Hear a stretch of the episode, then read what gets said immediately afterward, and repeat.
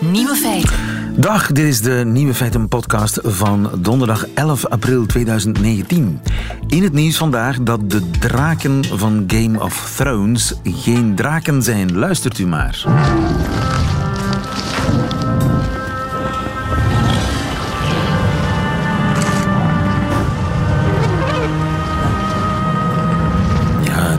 Het gesteun, het geblaas dat elke Game of Thrones fan eh, meteen zal herkennen als het geluid van de draak Drogon.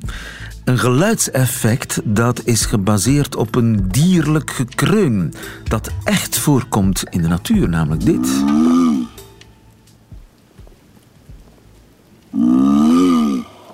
Wat zou dit kunnen zijn? Wat hoort u hier? Het is geen draak, maar een reuzenschildpad die seks heeft.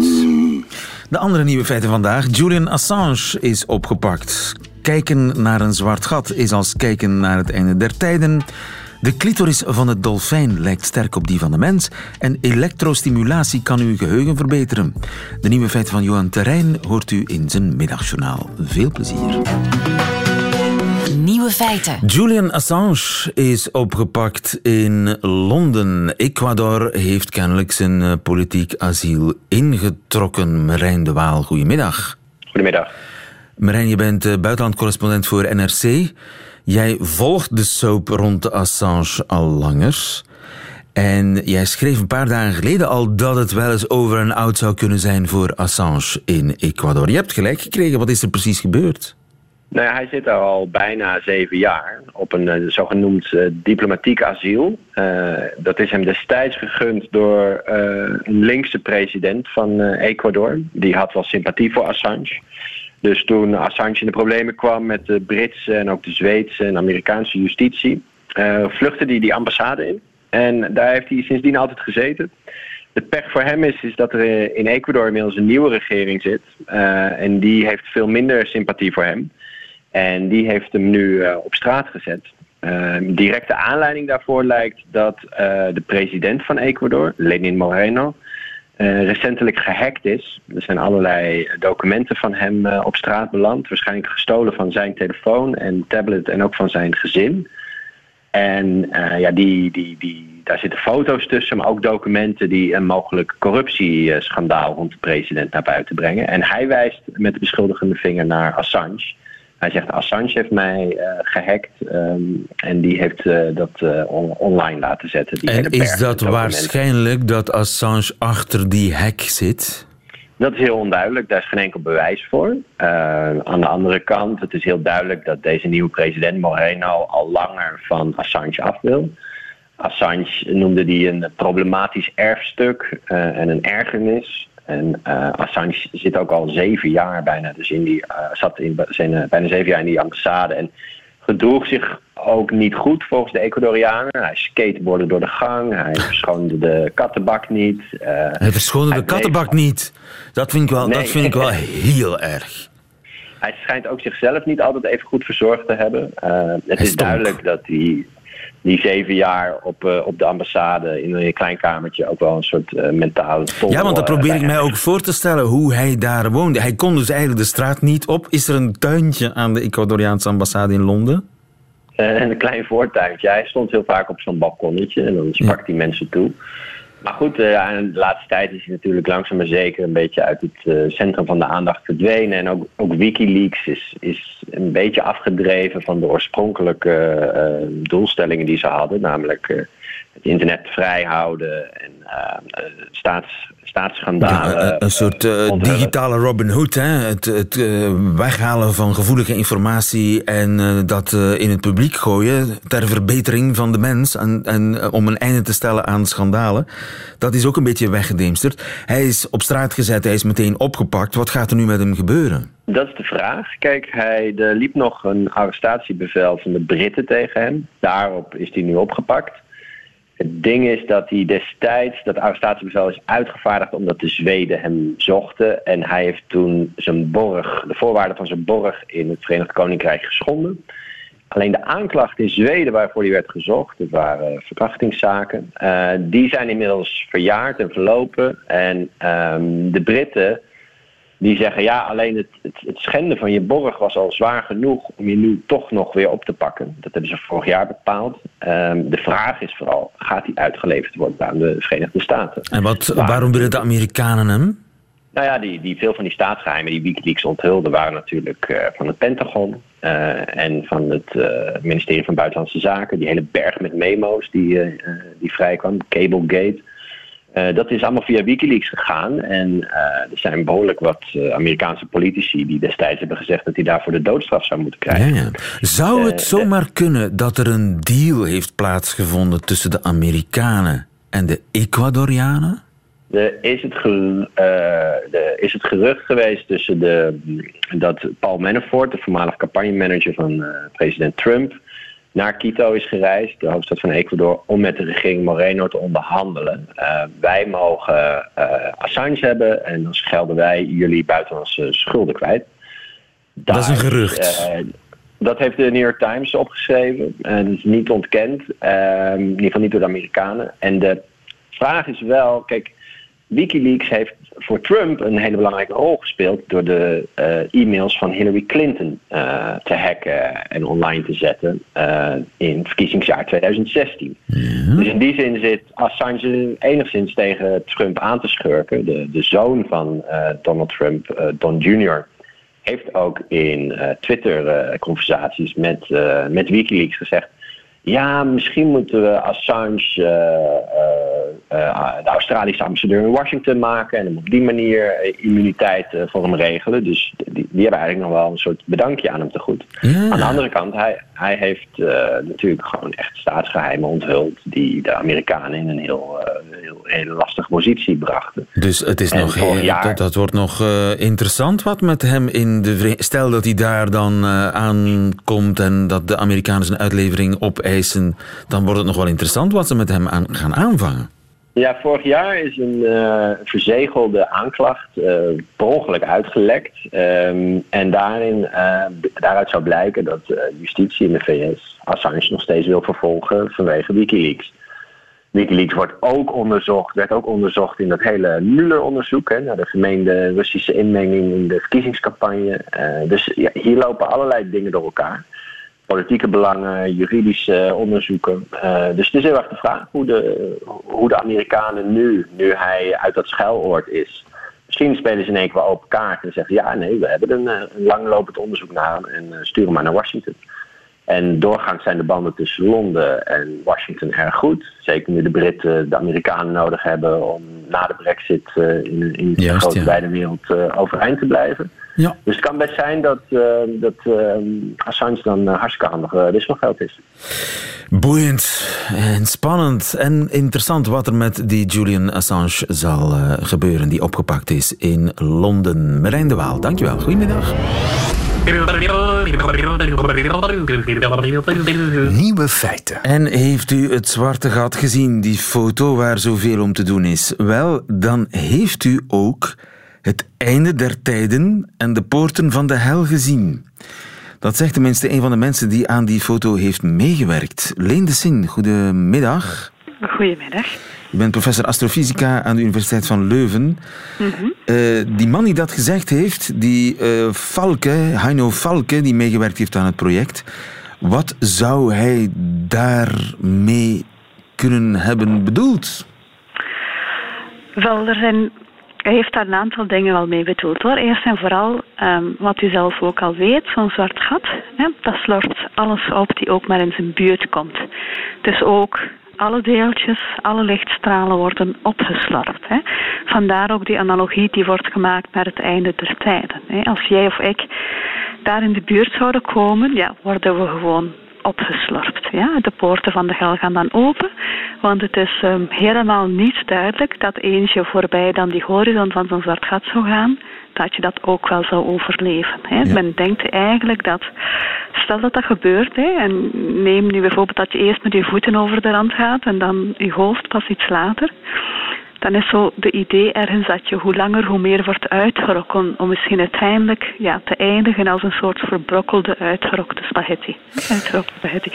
Maar dat is dan natuurlijk de analogie naar en naar ja, de poorten van de hel. De poorten van de hel, want dat ding is 6 miljard keer zwaarder dan de zon. Ja, juist.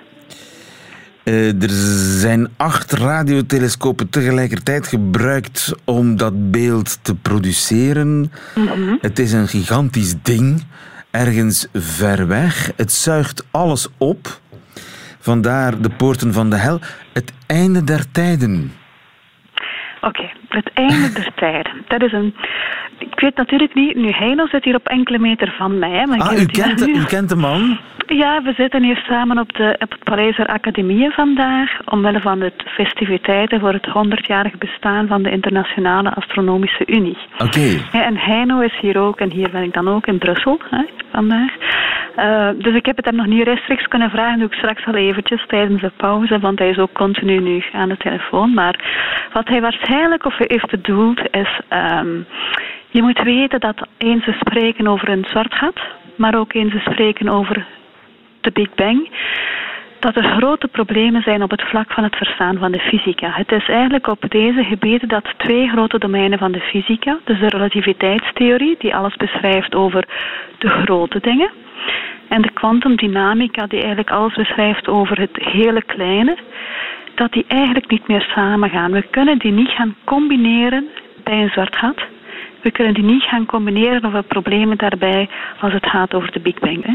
Mhm. Want wat je kunt. Um, de Big Bang, als je dan kijkt naar um, de, de tijd, ontstaat als het ware. Vandaar ook dat je hoort dat je bij de Big Bang niet kunt gaan vragen wat was er voor de Big Bang. Want er was gewoon geen voor. Er was nog geen tijd. Dus nu analoog weten we niet heel goed wat er met onze tijdsas zal gebeuren eens we over de rand van zo'n zwart gat gaan gaan. Er zijn ideeën dat voor degene die erin tuimelt, bij wijze van spreken, dat zijn tijd niet zal gaan veranderen. Maar voor wij die naar degene kijken die erin tuimelt, dat dat wel lijkt alsof het de tijd zal veranderen. Hoe het juist werkt, daar zijn we niet helemaal zeker dus van. Er zijn nog veel vraagtekens, maar als ik u goed begrijp, dan zou het kunnen dat uh, wat er in dat zwart gat verdwijnt, dat dat in een toestand terechtkomt die vergelijkbaar zou kunnen zijn voor de Big Bang. Wel, niet voor, hè. dat heb ik u daarnet... Ja, want er is geen voor. Er is geen voor. Ja, maar, dan krijg ik hoofdpijn. We zitten, we zitten in het analoge probleem, dat we het niet weten wat, wat er gebeurt met de tijd. Ja. Dus vandaar ook dat hij nou misschien die analogie heeft gebruikt, het einde der tijden. Want ik weet niet wat de tijd zal ja, doen. Ja. De tijdsas zal doen, eens je daarin komt. Maar als ik nu gewoon als een boer redeneer, zou het kunnen dat wij van Big Bang naar Zwart Gat gaan? Van Zwart Gat naar Big Bang?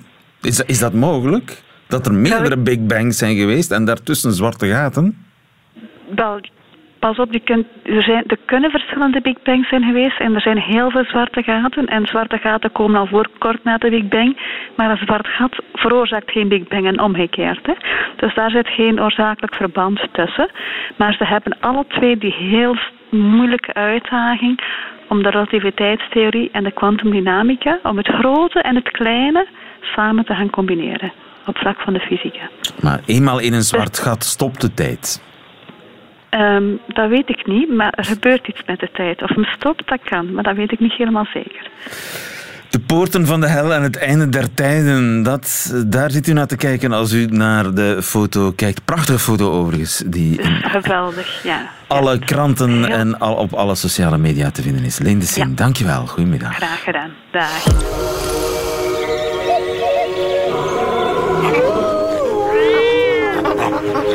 Feiten.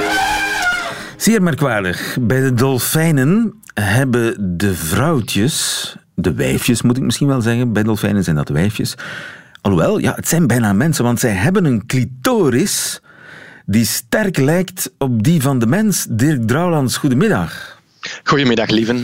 Onderzoek is gebeurd door een Canadees team de, een team dat onderzoek doet naar zeezoogdieren en die hebben zich nu geconcentreerd op de geslachtelijke morfologie van de dolfijn. Van waar die interesse, Dirk? Ja, dat is een goede vraag. Ik heb het mij ook zitten afvragen toen ik het las. Maar er zitten natuurlijk fundamentele wetenschappelijke concepten achter, eh, lieven. Uh, zo zijn zij bijvoorbeeld op zoek naar de vraag in welke mate penissen en vagina's voor elkaar gemaakt zijn. Wat dat dus het geval blijkt te zijn. Hè. Er is een soort co-evolutie in de natuur. Als de natuur bij de vrouwtjes een bepaald type vagina introduceert, volgt de man met een bepaald type penis dat daar dus het beste in past. En men is gaan kijken of dat het ook bij zeezoogdieren zou werken. En daar heeft men tot uh, ja, verbazing eigenlijk, omdat er in eerste instantie ook niet naar gezocht werd, vastgesteld dat dolfijnen dus een soort clitoris hebben die zeer sterk vergelijkbaar is met die van ons. Zowel in zaken vorm als in zaken uh, ja, basisanatomie, basisstructuur. Die hebben ook zo'n erectiel weefsel, die hebben de typische bezenuwing die er bij ons ook is, die hebben een soort elastine rond het geheel, hè, waardoor dat je een soort stimulus kunt geven, waardoor dat die uh, clitoris gaat opzwellen en dus misschien gemakkelijker een genotsfunctie genereert. Dus men denkt nu zelfs dat hè, dolfijnen, net als wij aan de bonobo's, een soort orgasme kunnen krijgen. Ja, maar, maar, maar waar zit die clitoris eigenlijk?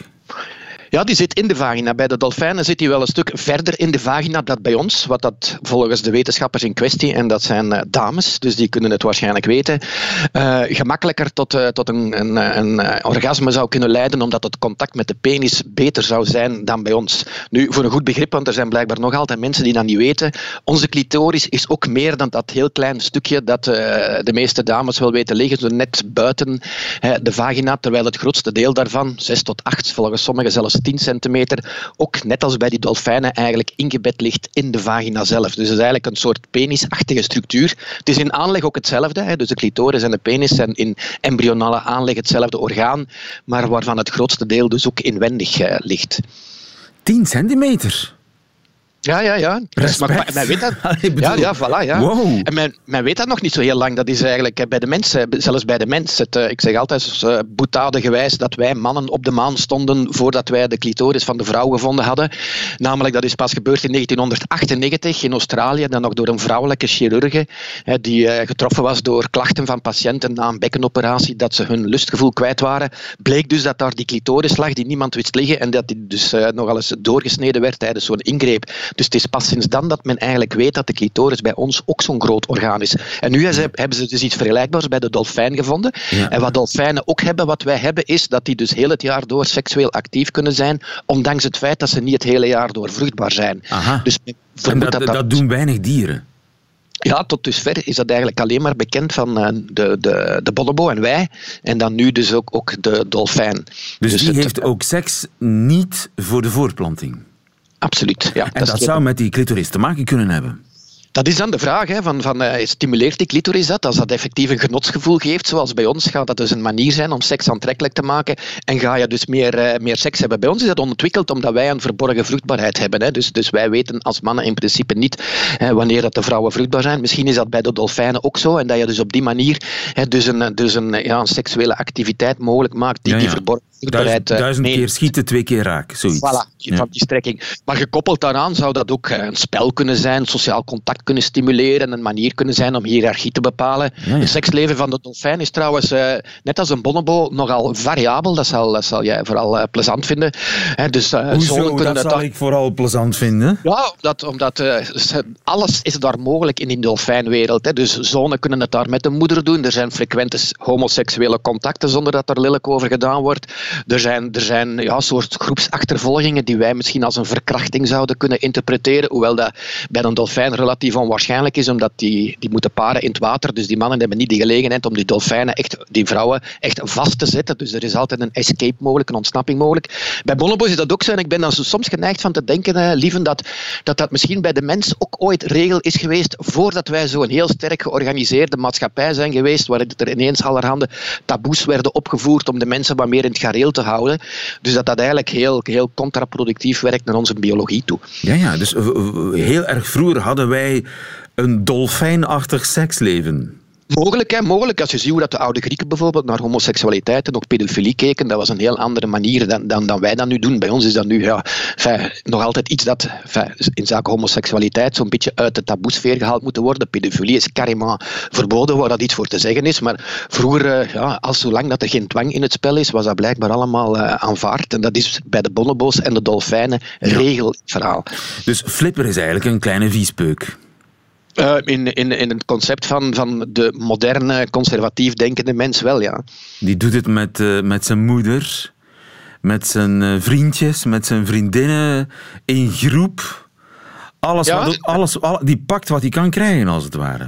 Ja, dat hoort dan blijkbaar bij het systeem. Dat vergemakkelijkt de socia sociale cohesie, dat vergemakkelijkt het bepalen van, van vriendschapsbanden, van hiërarchie. En misschien is het gewoon plezant en lieve. wij hebben zo soms nog altijd de neiging van te denken, zeker wij biologen ook, dat alles in de natuur puur functioneel moet zijn in de betekenis van iets te maken hebben met bijvoorbeeld een betere voeding of een betere voorplanting. Terwijl hoe langer hoe duidelijker is dat dieren dus ook effectief dingen kunnen doen die gewoon plezant zijn. Zoals in dit geval dus die dolfijnen met die seksuele activiteit. Het is Flipper van Haar harte gegund. Dankjewel, Dirk Drouwlands. Goedemiddag. Goedemiddag, lieven. Graag gedaan. They call him Flipper, Flipper, faster than lightning. No one you see is smarter than he. And we know Flipper lives in a world full of wonder, lying there under, under the sea.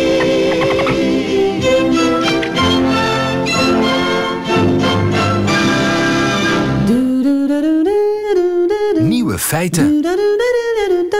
Kun je mensen slimmer maken met elektriciteit? Wel, in Amerika hebben ze dat geprobeerd. Dr. Boon, goedemiddag. Goedemiddag. Collega's van u in Boston die, uh, hebben experimenten gedaan met gezonde 60-plussers. Die ja. moesten geheugentaakjes doen, onthouden wat er op de foto stond en zo. En af en toe kregen ze daarbij een stroomstoot door de hersenen. Dat klinkt angstaanjagend. Wel, het klinkt angstaanjagend, maar het is het niet eigenlijk, want het gaat om een hele niet-invasieve vorm van uh, stimuleren van de hersenen. Eigenlijk is het, is het het aanbrengen van een kleine intensiteit van stroom aan de buitenkant van de schedel, dus op, op je hoofdhuid eigenlijk, met, met een paar elektroden.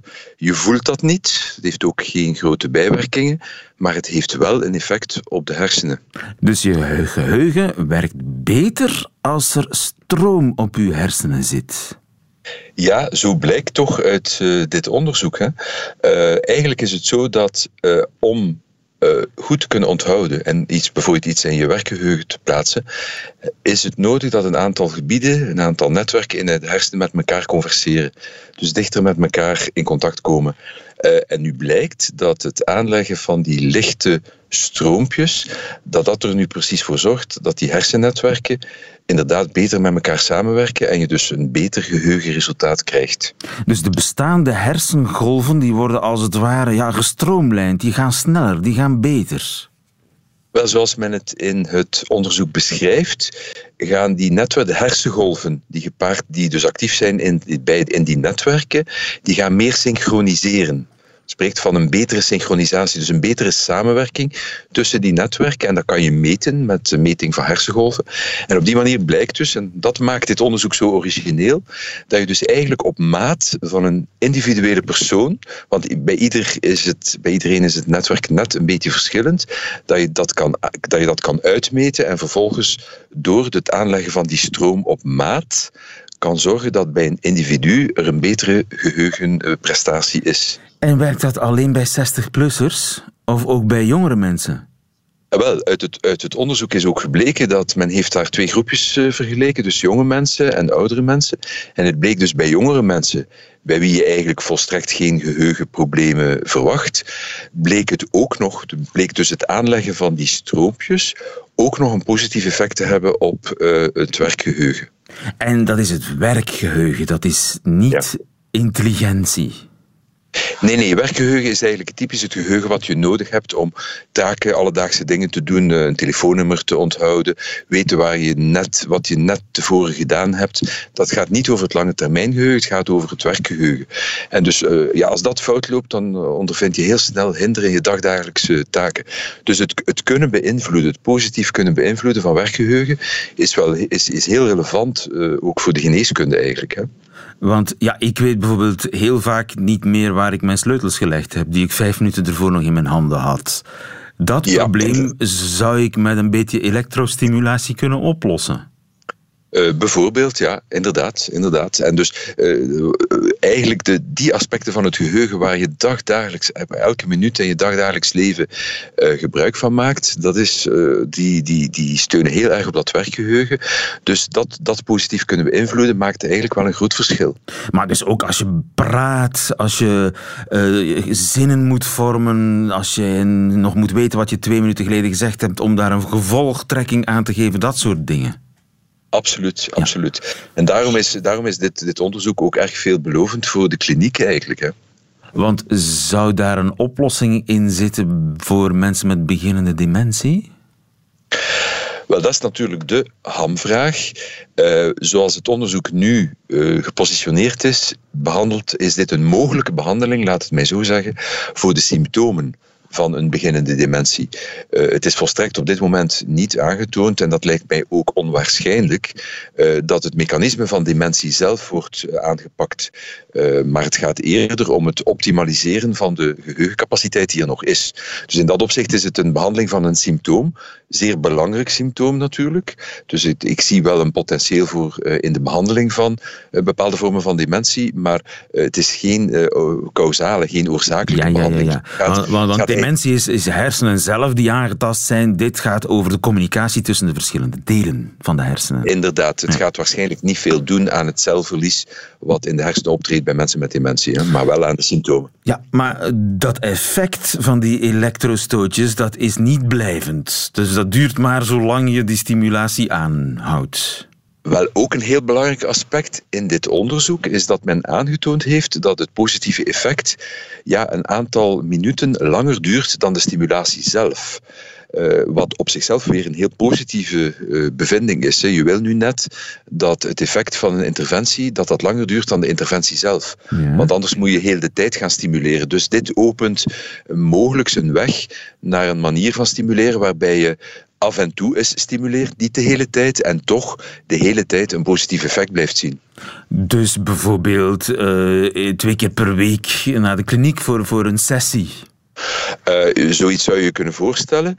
Uh, ik zou zelfs verder durven denken. Indien dit nu bij een individuele persoon een positief effect lijkt te hebben, dan kan ik mij voorstellen dat de patiënt dan in dit geval een apparaatje meekrijgt naar huis uh, dat een eenvoudiger toestelletje is en waarbij dan op maat van die ah, specifieke persoon thuis kan gestimuleerd worden. Dus wij, wij willen echt naar, uh, naar, naar, naar methodes en technologieën die ook door de patiënt zelf in de thuissituatie kunnen gebruikt worden. Of je kunt hem inbouwen in een bril. Bijvoorbeeld, of in een diadeem. Of, uh, een, enfin, ik, ik voer zelf binnen mijn onderzoeksgroep een dergelijk onderzoek uit. En wij zoeken naar hele praktische toepassingen. Waarbij je dus uh, opnieuw in de thuissituatie mensen kan helpen. Zonder dat ze voortdurend naar het ziekenhuis moeten komen. Ja, maar dat klinkt alsof die toestellen al in de maak zijn. Uh, laten we zeggen dat nee, uh, die toestellen zijn nog niet in de maak, die zijn in ontwikkeling. Uh, maar de ontwikkelingen gaan heel snel. We praten over elke maand of elke periode van een paar maanden is er wel iets nieuws. nu, een systeem dat ja, op basis van dit onderzoek gevalideerd is, dus waarvan men heeft aangetoond dat effectief werkt en dat dat via de normale kanalen op de markt komt, dat is er nog niet.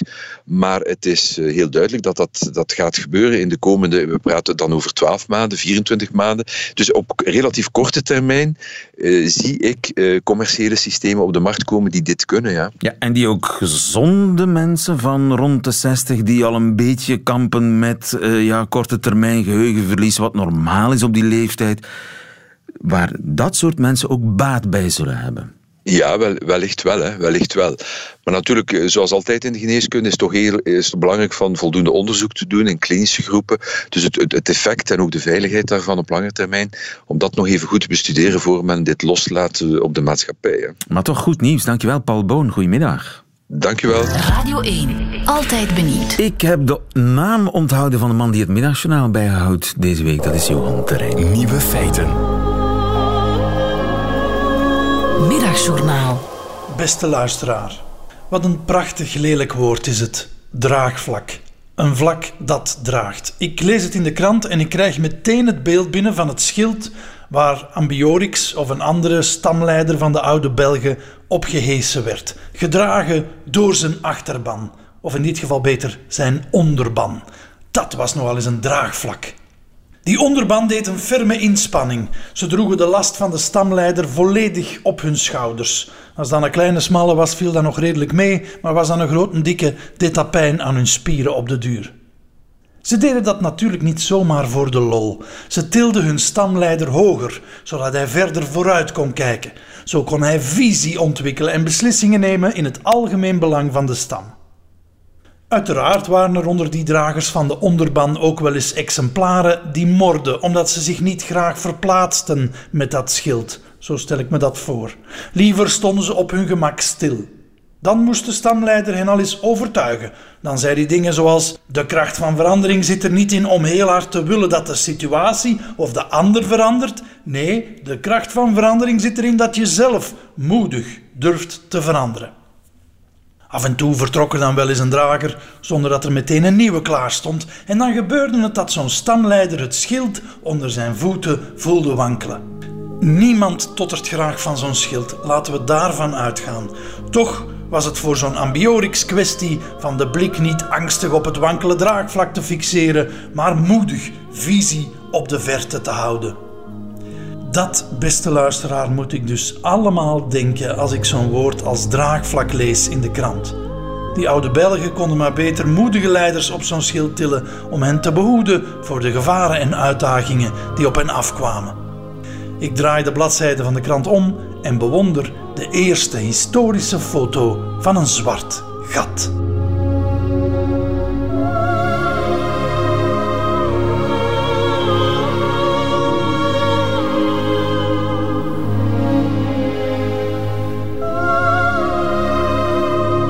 Johan Terrein in zijn middagjournaal. Einde van deze podcast. U vindt er nog veel meer op radio1.be en op de gebruikelijke podcastkanalen. Tot volgende keer.